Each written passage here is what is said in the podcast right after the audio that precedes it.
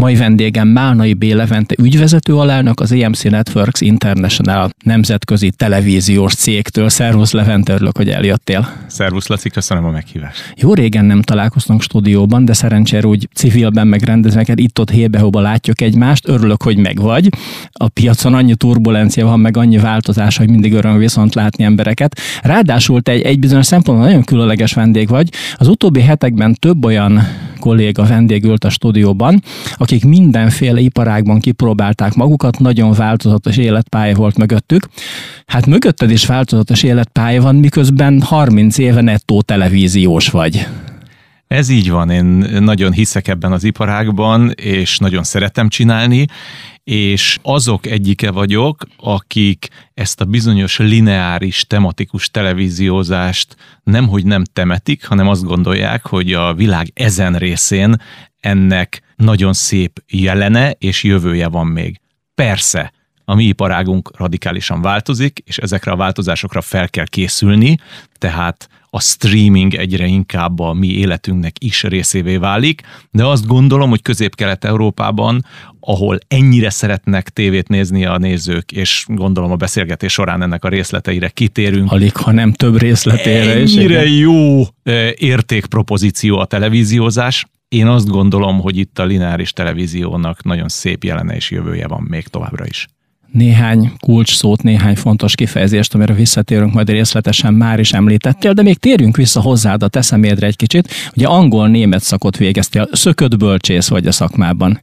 Mit gondoltál akkoriban, mikor angol-német szakra mentél, milyen céllal? Nyilván nyelvet tanulni persze, de hogy mit akartál ezzel csinálni?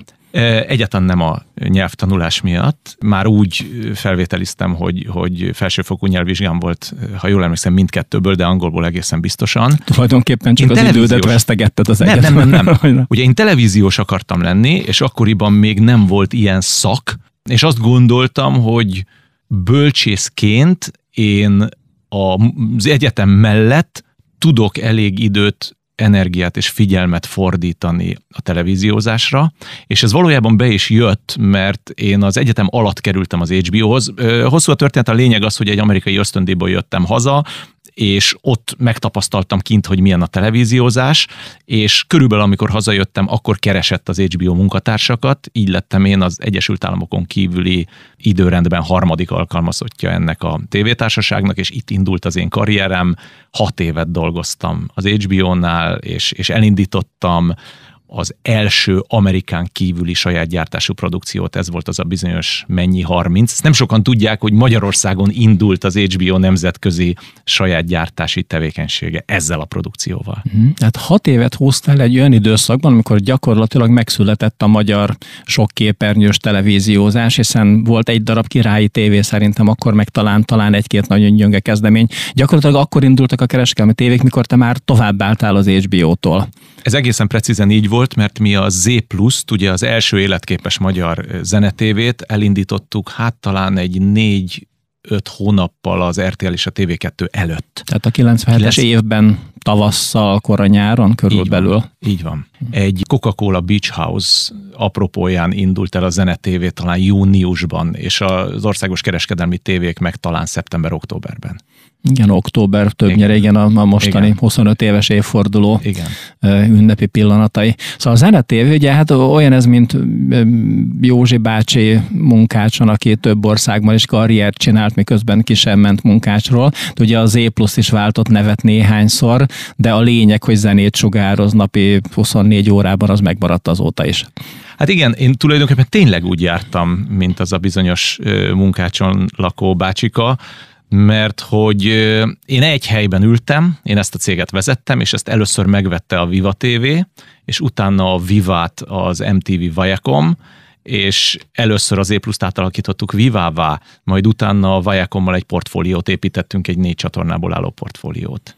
Ami azóta is él és virul, bár már azóta mások kezében, viszont neked nem sokkal később jött ugye a, a következő irányváltásod, az, amiről most a következő szűk órában azért még többet fogunk beszélni, nevezetesen, hogy 2009-ben ugye az EMC-hez kerültél. 2009 év végén. Aminek már ki se tudom számolni hány éve, hát mondjuk azt, hogy 13 év, az már egy szép-szép nagy idő. Bizony. Hát elég sok dolog történt a piacon, most a nagy-nagy piacon, meg a médiapiacon, a reklámpiacon, meg a lineáris tévék piacán is, de hogy mi minden történt, arra egy picit később térünk vissza, térjünk vissza, most megállunk, zenét hallgatunk, és akkor az EMC sztoriával folytatjuk. Mai vendégem Málnai B. Levente ügyvezető alelnök az EMC Networks International-től. Levente, az előbb megígértük a hallgatóinknak, hogy az EMC-ről fogunk beszélni. Hát én azt gondolom, hogy akinek volt már a kezében távkapcsoló nyomógombja, és ez kb. 99,9 százalék azok körében, akik most hallgatnak minket, főleg téged, azok tudják, hogy van egy EMC nevű csatorna, de ez csak egy a sok közül, ami a ti cégetekhez tartozik. Akkor először mutassuk meg ezt a céget, hogy miről is van szó, hány tévécsatornával működik a magyarországi. Először a magyarországi, aztán még beszélhetünk a többiről. Magyarországon tíz tévécsatornánk van, és hát a zászlós hajó az EMC, nagyon szép nézettség, növekedést értünk el itt az elmúlt években, és az EMC lett a portfóliónkon belül az egyik legnézettebb csatorna, és nagyon jelentős része van abban az EMC csatornának, hogy mára a kereskedelmi televíziózásban Magyarországon a mi cégcsoportunk a harmadik legnagyobb piaci részesedéssel bíró a két egykori földfelszíni általános szórakoztató csatornákkal bíró portfólió után és az EMC-n kívül van még két filmcsatornánk, a Film Café és a Film Mania.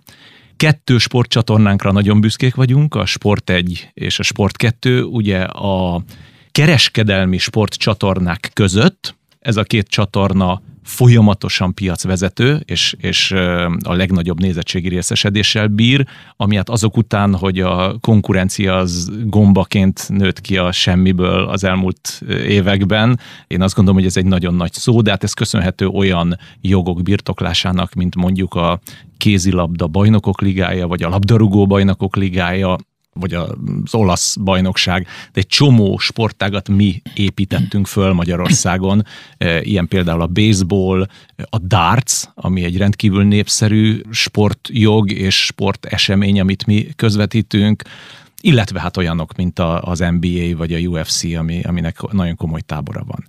Ezen kívül a gyerek csatornáink, Jim Jam és Minimax, ezekre azért vagyunk büszkék, mert ezek az egész régióban nagyon komoly játékosok.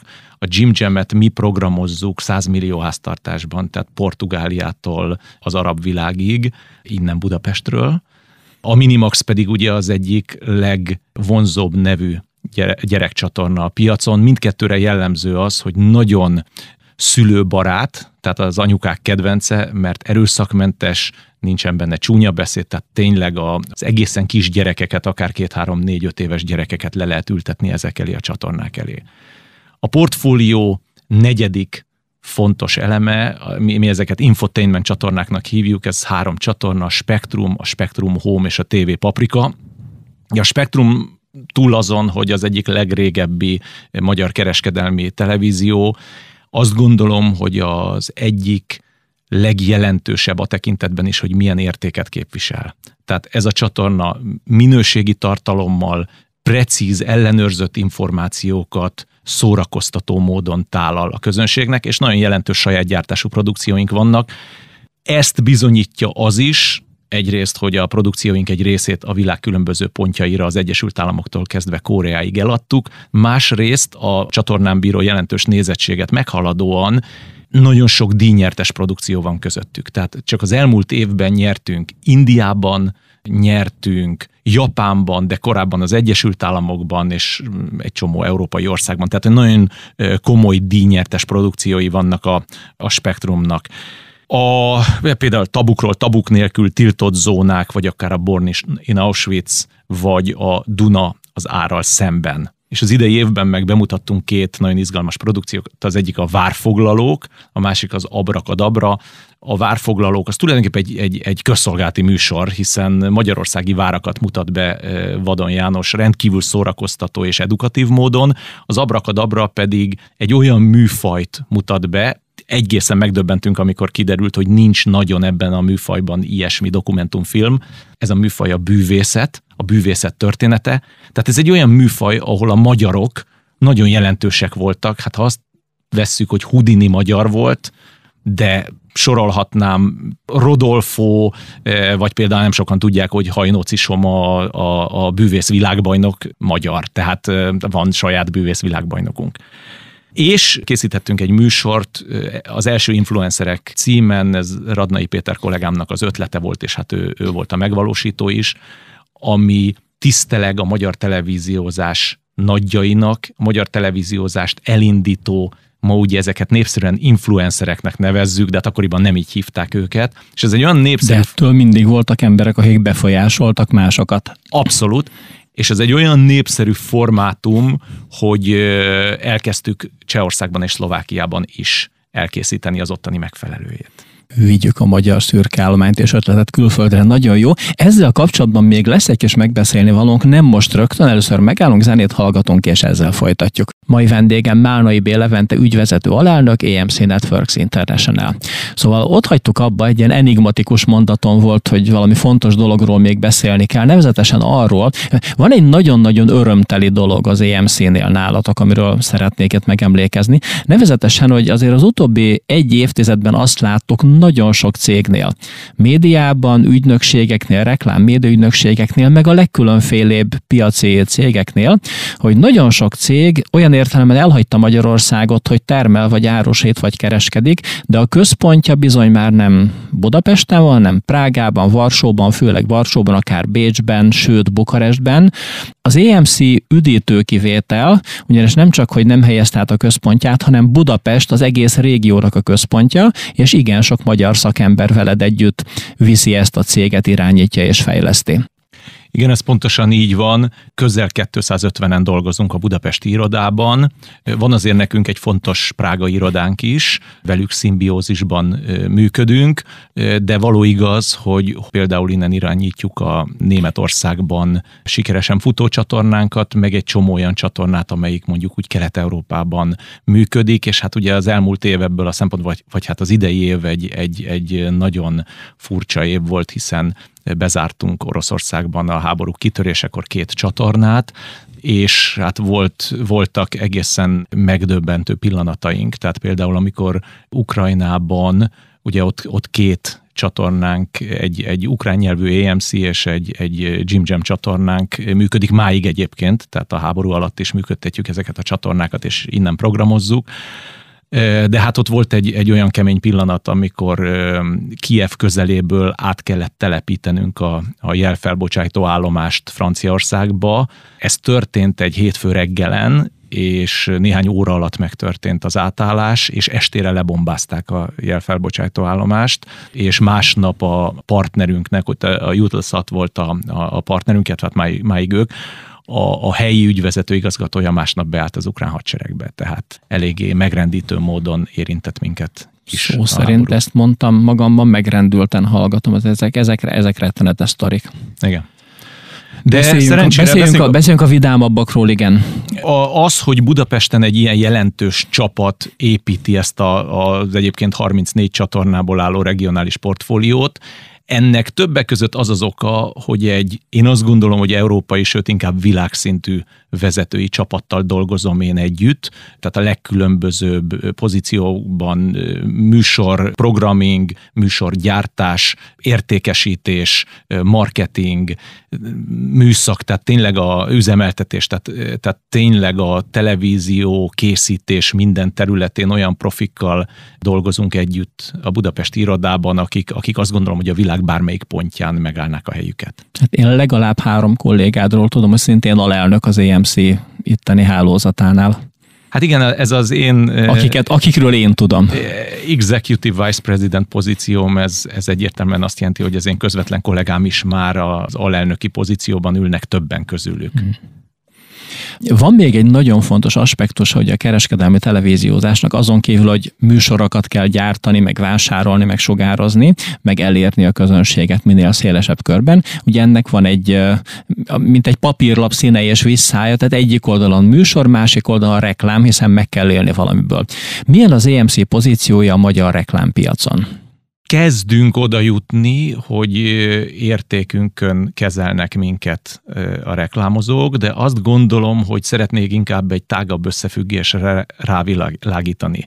A magyarországi televíziózás mind az előfizetői díjak szempontjából, mind pedig a reklámok árai szempontjából szerintem messze alul értékelt. Tehát a, a Bezzeg Csehország, én ezt hallgatom legalább 15 éve. Abszolút, ez nagyon így van, tehát Csehországban ö, sokkal magasabbak az előfizetői díjak is, hát a reklámpiac pedig egy, egy a miénknél nem sokkal nagyobb GDP országban körülbelül a duplája a magyar televíziós reklámpiacnak. Tehát van még helye ár emelkedésnek. Ami nagyjából meg is történik egyébként mostanában, ahogy a sales a prezentációt hallgattam a múltkor a Big Picture rendezvényen. Én azt gondolom, hogy a, a, a szándék megvan, és a, a, ha a nem is a duplájára, megvan. de azért, de azért magasabb áron Legyünk őszinték, még mindig olcsó, hmm. és ha jelenlegi inflációt nézem, akkor nagyon fontos az, hogy reál értékben is emelkedjenek az árak, illetve hát számunkra bevételek, mert azért a televíziózás az drága. Tehát abból induljunk ki, hogy Magyarország Európában a top három között van tévénéz, átlag, egyfőre jutó átlagos televízió nézettség tekintetében kb. 5 óra per nap, ez az átlag. És ehhez képest mondjuk 10 dollár környékén 100 magyar nyelvű tévécsatornát kap egy kábel előfizető. És ha megnézzük, hogy amennyiért a reklámozók reklámokat tudnak vásárolni, például Csehországhoz viszonyítva az körülbelül fél áron történik, akkor azért azt gondolom, hogy, hogy van itt még helye a fejlődésnek. Igen, tehát a, a nézettség óriási, az árak éppen csak hogy a padló fölött. Nem csoda és nem véletlen, hogy a reklámblokkok tele vannak, és azt gondolom még egy darabig tele lesznek. Ez nektek jó hír, ügynökségnek, márkának jó hír, kedves néző meg nem bánja, hogyha drágában adjátok. Szerintem ez örömhír mindenkinek. És még egy fontos dolog, ugye a, televíziózás az, az minőségi műsorokat követel, mert akkor ülnek ott 5 órán keresztül az emberek, és hogy mi mindent kell fejleszteni, meg építeni, erre hamarosan visszatérünk, mert hogy az investíció az, az egy örök kényszer és csinálni kell, és olyan dolgok is kell investálni, ami tavaly-tavaly előtt nem volt, vagy alig volt, hogy mire célozgatok, ezzel hamarosan kiderül, most megállunk, zenét hallgatunk, és innen folytatjuk. Mai vendégem Málnai B. Levente, az AMC Networks International ügyvezető alelnöke. Na itt egy kicsit hosszasan próbáltam felvezetni egy dolgot, amit egyszerűbben is felvezethettem volna. Egy varázs szó, amit szerintem mindenki hallott, aki bármennyire foglalkozik televízióval, akár nézőként, vagy akár olyan emberként, aki olvas időnként híreket, hogy mik történnek a mozgóképes világban. Ez a varázs szó a streaming egyszerűen fogalmazva, ugye a lineáris tévéről beszéltél korábban, az ment hosszú évtizedekig, hogy az ember bekapcsolta a tévét, és nyolckor azt nézte, ami nyolckor volt valamelyik csatornán. Ez most már nem lesz így, sokáig marad a lineáris, lehet nézni nyolckor, és akkor sokkal kényelmesebben oldjuk meg, de azért lehet gondolkodni rajta, meg lehet tervezni, meg lehet keresni, magyarul a lekérhető szolgáltatások, amikor én döntöm el, mit nézek és mikor. Úgy tűnik, hogy ez a jövő útja. Hogy álltok ti a streaming piaccal, és a streaming piacon? Mi is szövegetjük a terveinket, de mi általában óvatosak és fontolva haladók vagyunk. Miért? Ha körülnézünk a világban, akkor azt látjuk, hogy egyfelől ilyen sok televíziós műsor nem készült soha. Ilyen sokat tévésorozatokat soha nem néztek nézők. Ilyen jó tévésorozatok ilyen mennyiségben soha nem készültek. Ehhez képest, ha megnézzük, hogy hogy állnak a televíziós cégek részvényei, Netflix-el az élen, de gyakorlatilag ez igaz mindenkire, akkor a tőzsde most bünteti azokat a cégeket, akik hatalmas pénzeket investáltak streamingbe, mert hogy egyelőre még a néző ezért nem fizet annyit, hogy ezek megfelelően megtérüljenek.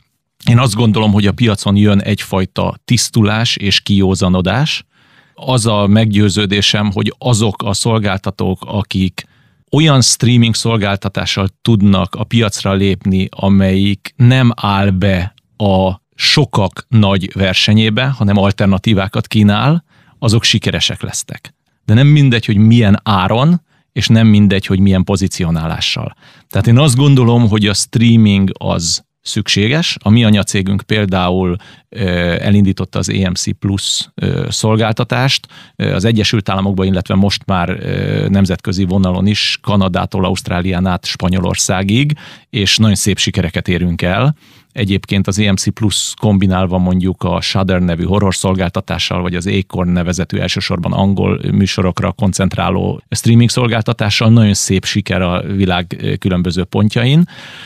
De hát ehhez kellett például az, hogy a, a, az EMC a, a, a nagy sorozatai mellé, tehát például a The Walking Dead mellé megvásárolja az Anne Rice-nak, ugye a világ egyik legismertebb horror írója volt, szegény tavaly halt meg, a teljes életművét, így annak a jogát, hogy olyan sorozatokat filmesítsen meg, mint az interjú a vámpírral, vagy a Mayfair Witches, a Mayfairi boszorkányok, és hát ezek a, a, az EMC Plus kínálatában vannak az Egyesült Államokban, és mi is tervezgetjük, hogy mit, mikor és hogyan. De hangsúlyozom, itt nagyon óvatosnak kell lenni, mert ma egyelőre még a mi iparágunk, amelyik szakmailag bizonyított, kereskedelmileg küzdködik. Tehát óvatosan és okosan kell befektetni. Ha azt mondjuk, hogy a lineáris televízió gyakorlatilag a háztartások 100%-ába be van kötve, akkor szerintem nagyot nem tévedünk, de 99% tévékészülék mindenütt van, és valahonnan kapnak jelet. Egészen és hát nagyon biztosan. magas a pay TV lefedettség Magyarországon, tehát a 90% körüli. És akkor ehhez képest mennyi lehet a streaming piac most? Ugye ez a mennyi 30, mi 30, mi mennyi Igen, visszatérünk a múltba, igen. Az Egyesült Államokban és például Angliában azért terjedt el a streaming ilyen radikálisan, mert borzasztó drága volt a kábel TV. Tehát 100-150 dollár nálunk. pontosan. Magyarországon ma körülbelül 4-5-6 ezer forintért 100 magyar nyelvű csatornát kap a, a, a néző, az előfizető, és nézi is ezeket. Ehhez képest egy-egy nagy nemzetközi streaming szolgáltató egyetlen szolgáltatása pont ennyi pénzbe kerül. Tehát nem az történik, mint Amerikában és Angliában, ahol ez a bizonyos court shaving jellemző, vagyis, hogy 100 dollárról visszamegyek egy 50 dolláros csomagra, vagy 150-ről egy 70 dolláros csomagra, és előfizetek két-három streaming szolgáltatót, és sporolok egy csomó pénzt, hiszen itt már alapvetően a lineáris tévészolgáltatás is sokkal olcsóbb. Tehát itt szerintem nagyon-nagyon más szerepe lesz a streamingnek. Itt inkább egy prémium szerepe van, és éppen ezért a kérdésedre az a válasz, hogy ez attól függ, hogy a kábel társaságok milyen arányban és milyen radikálisan fogják az áraikat emelni. Én azt gondolom, hogy szükséges, hogy emeljék az áraikat, de valószínűleg elég okosak lesznek ahhoz, hogy nem fogják duplázni, triplázni az árakat, mert akkor tényleg lemorzsolódás következhet be. De hely még van az áremelésre, és én azt gondolom, hogy van egy jelentős réteg, akinek az igénye emellett egy-két-három streaming szolgáltató megvásárlása, vagy streaming szolgáltató szolgáltatásainak megvásárlása. Igen, meg ugye az áremelésnek mindig van egy plafonja, az emberek zsebe pénztárcáim ezt elbírja. Most nem olyan időket élünk, amikor nagyon drasztikusan lehet ilyen típusú szolgáltatások árát emelni. No, de ezt nem mi döntjük el itt, ezt majd a kábel TV társaságok megoldják, ha tudják, mi meg drukkolunk nekik a távolból. Megállunk, zenét hallgatunk mi, és innen folytatjuk. Mai vendégem Málnai B. Levente, az EMC Networks International ügyvezető alelnöke nézzünk a jövőbe Levente. Mindig az a legizgalmasabb, az, hogy mi történt. Egyik kedves marketinges barátom szoktam mondani, hogy felejtsük el a tegnapi sikereinket. Talán ennyire drasztikusan nem fogalmaznék, de hát a tegnapi siker az egy szép emlék, könnyes szemmel visszagondolunk rá, de ma már ma van, és azt nézzük, hogy mi lesz holnap meg jövőre. Nyilván vannak szép terveitek, hát akkor mondd el, milyen szép terveitek vannak. Hogy fog kinézni az EMC család, műsora, programja, újdonságai 2023-ban, vagy akár később? Az egyik jó hírem az, hogy azt a 600 órányi saját gyártású produkciót, amit az idei évben gyártunk, a jövőben is tervezzük elkészíteni. Ez körülbelül 400 órányi sportháttérműsor, és itt ez nem a sport közvetítéseket jelenti, mert az lényegesen több, az több ezer óra, és nem is az ezekhez kapcsolódó, felkonferáló műsorokat, stúdió, hanem inkább a stúdió háttérműsorokat, beszélgetés műsorokat, elemző műsorokat. Ezen és azt gondolom, a sportcsatornák a legjobb pozícióban vannak az összes lineáris csatorna közül, hiszen az élő sportközvetítést soha nem fogja kiváltani semmi. Ez egészen Egy futballmeccset, egy magasugrást akkor kell nézni, mikor futnak, rúgnak és ugranak. Csak akkor. Ez egészen precízen így van, és hogyha ezeknek a sportjogoknak az árai nem emelkednének drasztikusan, akkor azt mondanám, hogy ez egy csodálatos dolog, de feladatot ró én felém, mi felém, mi felénk a, a kollégáim számára. Nyilván az, az áremelkedés tény, azt is jelzi, hogy pörög a biznisz. Igen, ez igen, egyértelmű. Tehát a sportmarketing hihetetlen tempóban jön föl a világ összes régiójában. Ez egyértelmű, és ezt a végén valakinek meg kell fizetnie. És egyelőre a nézők szeretik, tehát azt gondolom, hogy valóban a lineáris televíziózásnak az egyik legjelentősebb és legjövő állóbb része a sporttelevíziózás. De emellett mi készítünk kb. 200 órányi nem sport jellegű tartalmat évente, és ezt a 2023-as évben is tervezzük. A Spektrum Home-on nagyon sok magazinműsor, a Spektrumon dokumentumfilmek, a TV Paprikán főzőműsorok, tehát ezek továbbra is jellemzőek lesznek miránk, tehát mi továbbra is investálni fogunk a tartalomba, fontolgatjuk ugye, hogy mikor és milyen formában indítsuk el a streaming szolgáltatásunkat. Egy biztos, hogy, hogy tényleg nehéz időket élünk, mert nagyon óvatosnak kell lenni, hiszen gazdasági válság van, a tartalmaink egy részét, jelentős részét dollárban, euróban fizetjük ki, de ennek ellenére hiszünk abban, hogy a jó tartalom létrehozásába továbbra is investálni kell, és miután több olyan sportjogunk van, ami hosszú távra biztosított, illetve olyan formátumokat fejlesztettünk, nem csak Magyarországon, hanem az egész régióban, dokumentumfilm, vagy pedig főző tartalom szempontjából is, ami utazóképes, konvertibilis, tehát nézik nem csak Magyarországon, hanem Magyarországon kívül is, ezekbe továbbra is fogunk investálni. Én azt gondolom, hogy ha a jövőt tekintjük, akkor Közép-Kelet-Európa egy olyan régió, ahol igenis jól fog tudni működni a televíziózás, de nagyon prudensen, átgondoltan kell minden televíziós vezetőnek lépni, mert a, a pénzszórás kora az megszűnt, az egészséges versenykora itt van, de azt gondolom, hogy a végén ennek valójában a, a, a nyertese a néző. Egészen biztosan. Azt most biztos nem fogod nekem megmondani, hogy melyik lesz az első streaming szolgáltatásatok, de így magamban gondolkodom, tehát mondjuk egy Spektrum televízió ismeretterjesztő adásai, azok az én fejemben nagyon kínálják magukat arra, hogy egy ilyen szépen elrendezett könyvtárból lekérhetőek legyenek. Ez a könyvtár, ez mindenképpen részese lesz a streaming szolgáltatásunknak, mondom itt a nagy nehézséget a, a, az időzítés, az árképzés és a pozicionálás jelentik de remélem, hogy hamarosan erről többet tudok majd mondani.